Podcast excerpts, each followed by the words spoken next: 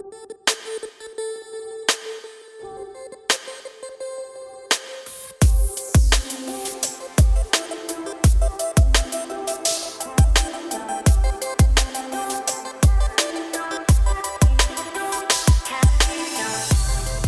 para sahabat dan teman-teman Lighthouse di mana pun Anda berada.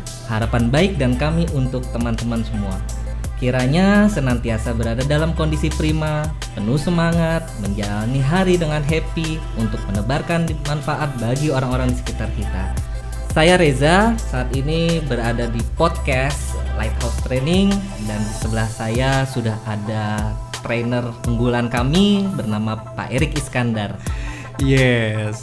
Halo, Halo, teman-teman semua. Halo. Halo. juga Mas Reza. Wah, ketemu lagi kita di podcast kali ini. Iya. Ya kali ini eh, kita mau eh, bicara tentang Yes, Mas leadership Pak Erik. Nah, saya Oke. ada beberapa pertanyaan tentang kepemimpinan ya. Iya. Sebagai seorang leader untuk memberikan tantangan yang Oke. membangun kepada timnya itu seperti apa ya Pak Erik? Hmm, oke, thank you. Nih pertanyaan menarik Mas Reza dan banyak klien juga yang nanya tentang peran penting kita sebagai pemimpin untuk mengembangkan orang lain. Nah, kita balik dulu kepada fondasi pentingnya ya. Jadi tidak dipungkiri peran penting pemimpin adalah untuk ngembangin orang lain. Jadi bukan hanya sekedar nyapai sales gitu ya, dapetin profit, buat organisasi untung. Yes, itu penting dan selain itu tentu saja bagaimana mendapatkan keuntungan melalui pengembangan orang lain. Itu adalah peran penting kita. Nah, bicara tentang mengembangkan orang, saya jadi ingat sebuah cerita Mas Reza. Apa tuh? Nah, ya cerita ini ketika saya mengingat cerita ini gitu ya, ini selalu mengingatkan saya tentang peran penting pemimpin untuk memberikan dan mengembangkan anggota timnya. Jadi pada suatu hari ada seorang bijak bersama muridnya lagi melakukan perjalanan. Setelah melakukan perjalanan yang cukup jauh, mereka bermaksud buat istirahat sejenak nih untuk ngisi perut mereka yang lagi lapar dan haus. Nah dari kejauhan mereka lihat ada satu gubuk kecil yang udah reot, udah jelek, kondisinya udah buruk lah. Nah ternyata di gubuk itu tinggal seorang pria bersama istri dan tiga anaknya.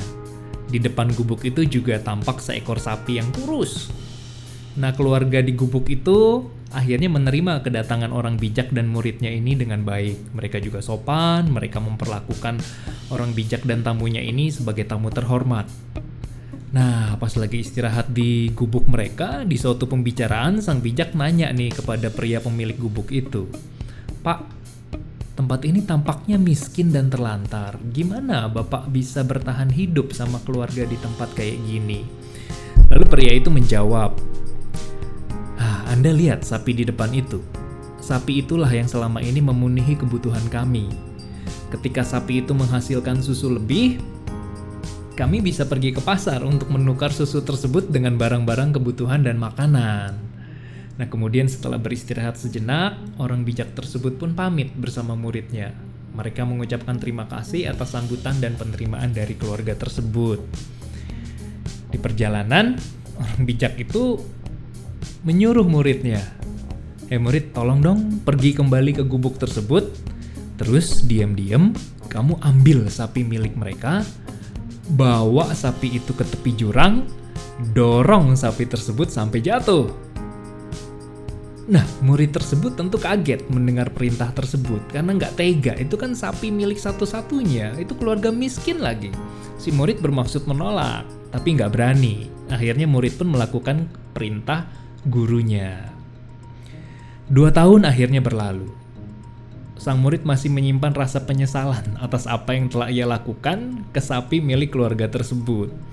Pada suatu hari, sang murid lagi melakukan perjalanan dan dia kembali melintasi daerah tempat keluarga tersebut tinggal.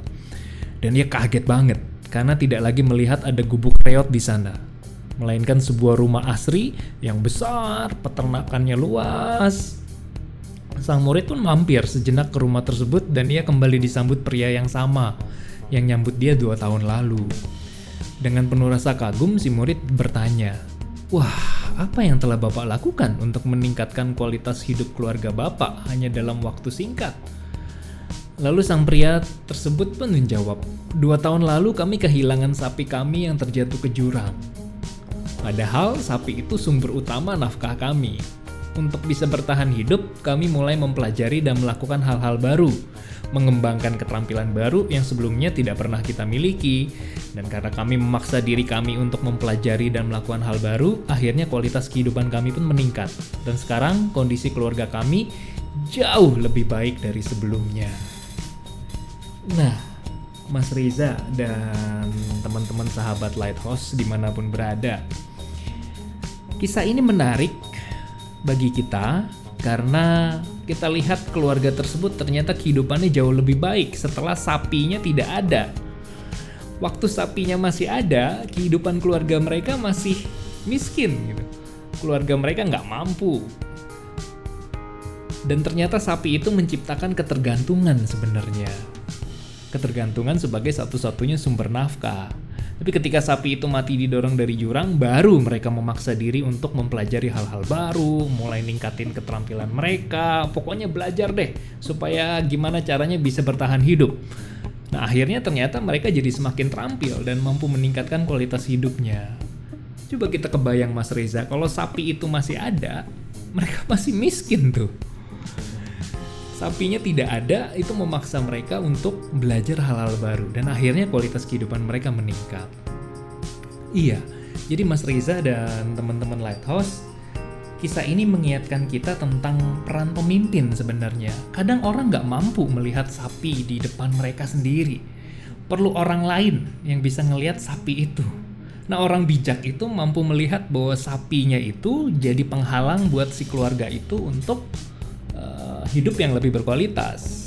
Nah, akhirnya makanya sang bijak itu nyuruh muridnya dorong sapi itu ke jurang gitu. Muridnya memang nggak ngerti awalnya. Waduh, kaget gila ini malah kita membuat keluarga itu menderita dong gitu. hmm. tapi ternyata tidak karena sang bijak bisa melihat bahwa sapi itu menjadi penghalang nah Mas Reza teman-teman Lighthouse sebagai pemimpin kita perlu melihat apa yang menjadi penghalang buat tim kita setiap dari kita sebenarnya punya sapi loh di diri masing-masing. Kadang kita tidak melihat, orang lain yang bisa melihatnya. Nah, pemimpin perlu mampu melihat sapi apa yang ada di dalam timnya. Biasanya sapi itu wujudnya dalam bentuk hal-hal yang membuat orang sudah terlalu nyaman. Udah terlalu nyaman, udah terlalu enak, jadi tergantung. Padahal mereka tidak sadar ketergantungan dan kenyamanan itu membuat mereka stuck dan tidak bertumbuh. Nah, mereka perlu dipaksa dengan meng dengan masuk ke zona yang baru. Dengan sapinya diambil, zona nyamannya diambil, mereka jadi bertumbuh. Iya, Mas Reza dan teman-teman Lighthouse. Dari kisah itu kita bisa belajar banyak hal sebenarnya. Nah, sebagai pemimpin kan kita perlu kenal dulu ya tim kita ya.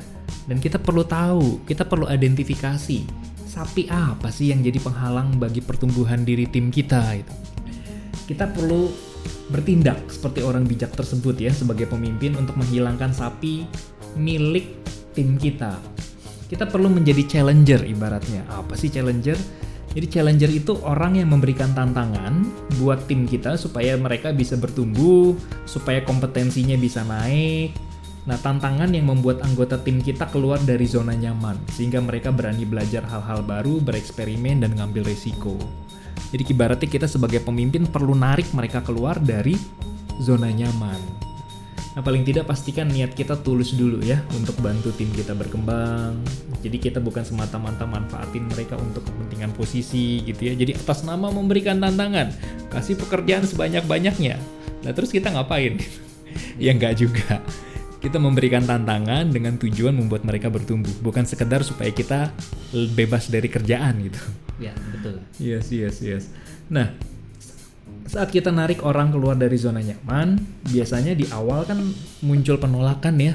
Ya sama lah ibarat kayak cerita tadi tuh keluarga tadi ketika sapinya jatuh ke jurang pasti mereka pusing tujuh keliling Waduh, kehilangan sumber pencaharian. Gimana selama ini ngandelin susu dari sapi itu dijual ke pasar, sekarang tiba-tiba sapinya hilang.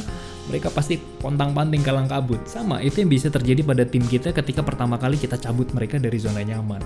Akan muncul penolakan, rasa tidak nyaman, kegalauan, bahkan protes begitu. Itu hal yang wajar, hal yang wajar ketika orang kita tarik keluar dari zona nyaman. Tapi kita tidak boleh berhenti di situ sebagai pemimpin. Ibaratnya rangkullah, rangkullah penolakan mereka gitu. Jadikan itu bagian dari proses supaya mereka bertumbuh. Nah ingat jangan lupa kita perlu jelasin intensi kita. Jadi kalau kita mau ngasih pekerjaan yang beda dengan skill yang selama ini mereka kuasai, jelaskan apa alasannya, tujuannya apa, jelaskan ke mereka supaya mereka tahu tantangan ini tujuannya membuat mereka bertumbuh. Gitu. Kita perlu jelasin intensi kita karena orang kan nggak bisa baca pikiran kita. Mereka tidak tahu apa niat intensi kita kalau kita tidak sampaikan. Jadi sampaikan, sampaikan, komunikasikan apa tujuan kita memberikan tantangan dan pekerjaan ini untuk tim kita. Jangan lupa kan kita perlu jadi challenger ya untuk bantu orang lain menyingkirkan sapi mereka dan mendukung mereka juga untuk bereksperimen. Kasih kesempatan mereka untuk coba hal-hal baru, bahkan kasih kesempatan mereka untuk berani salah. Karena hanya dari kesalahan kan kita bisa belajar banyak hal ya. Nah, itu Mas Reza. Jadi memang betul yang tadi pertanyaan awal Mas Reza. Apa sih peran penting pemimpin untuk membuat orang bertumbuh gitu ya? Nah itulah salah satu peran penting pemimpin adalah menyingkirkan sapi yeah. di dalam diri anggota timnya. Artinya berarti yes. mengajak timnya itu keluar dari zona nyaman ya Pak ya seperti Betul. keluarga tadi ya. Iya. Wah saya nggak kebayang tuh Pak strugglingnya seperti apa mereka ya karena itu satu-satunya mata pencaharian mereka iya, ya. Betul. So, Mas Riza dan teman-teman Lighthouse di episode kita kali ini mengenai peran pemimpin kita sebagai pemimpin yaitu jangan lupa tadi pesan-pesan utamanya ya kenali tim kita identifikasi sapi apa yang ada di dalam diri tim kita masing-masing tarik keluar sapi itu dan buat tim kita bertumbuh. Pada saat mereka melakukan penolakan di awal rangkulah gitu ya. Terima penolakan tersebut ibaratnya kita embracing. Jadi merangkul penolakan itu. Ya, biarkan itu berproses sambil tetap kita mendampingi mereka untuk mereka melalui masa sulit keluar dari zona nyaman. Toh pada akhirnya saya yakin kok mereka akan berterima kasih pada kita karena sudah mendapatkan tantangan yang membuat mereka bertumbuh ya itulah para sahabat Lighthouse teman-teman semua. Cerita dari Pak Erik menginspirasi kita. Semoga juga teman-teman bisa uh, mendapatkan uh, pencerahan untuk hari ini uh, terus bagaimana untuk menjadi seorang pemimpin membangun timnya memberikan tantangan. Kita pamit undur diri dulu. Sampai ketemu di podcast selanjutnya. Saya Reza. Dan saya Erik. Kami dari Lighthouse Training. Mengucapkan salam, salam pemimpin, pemimpin sejati. sejati.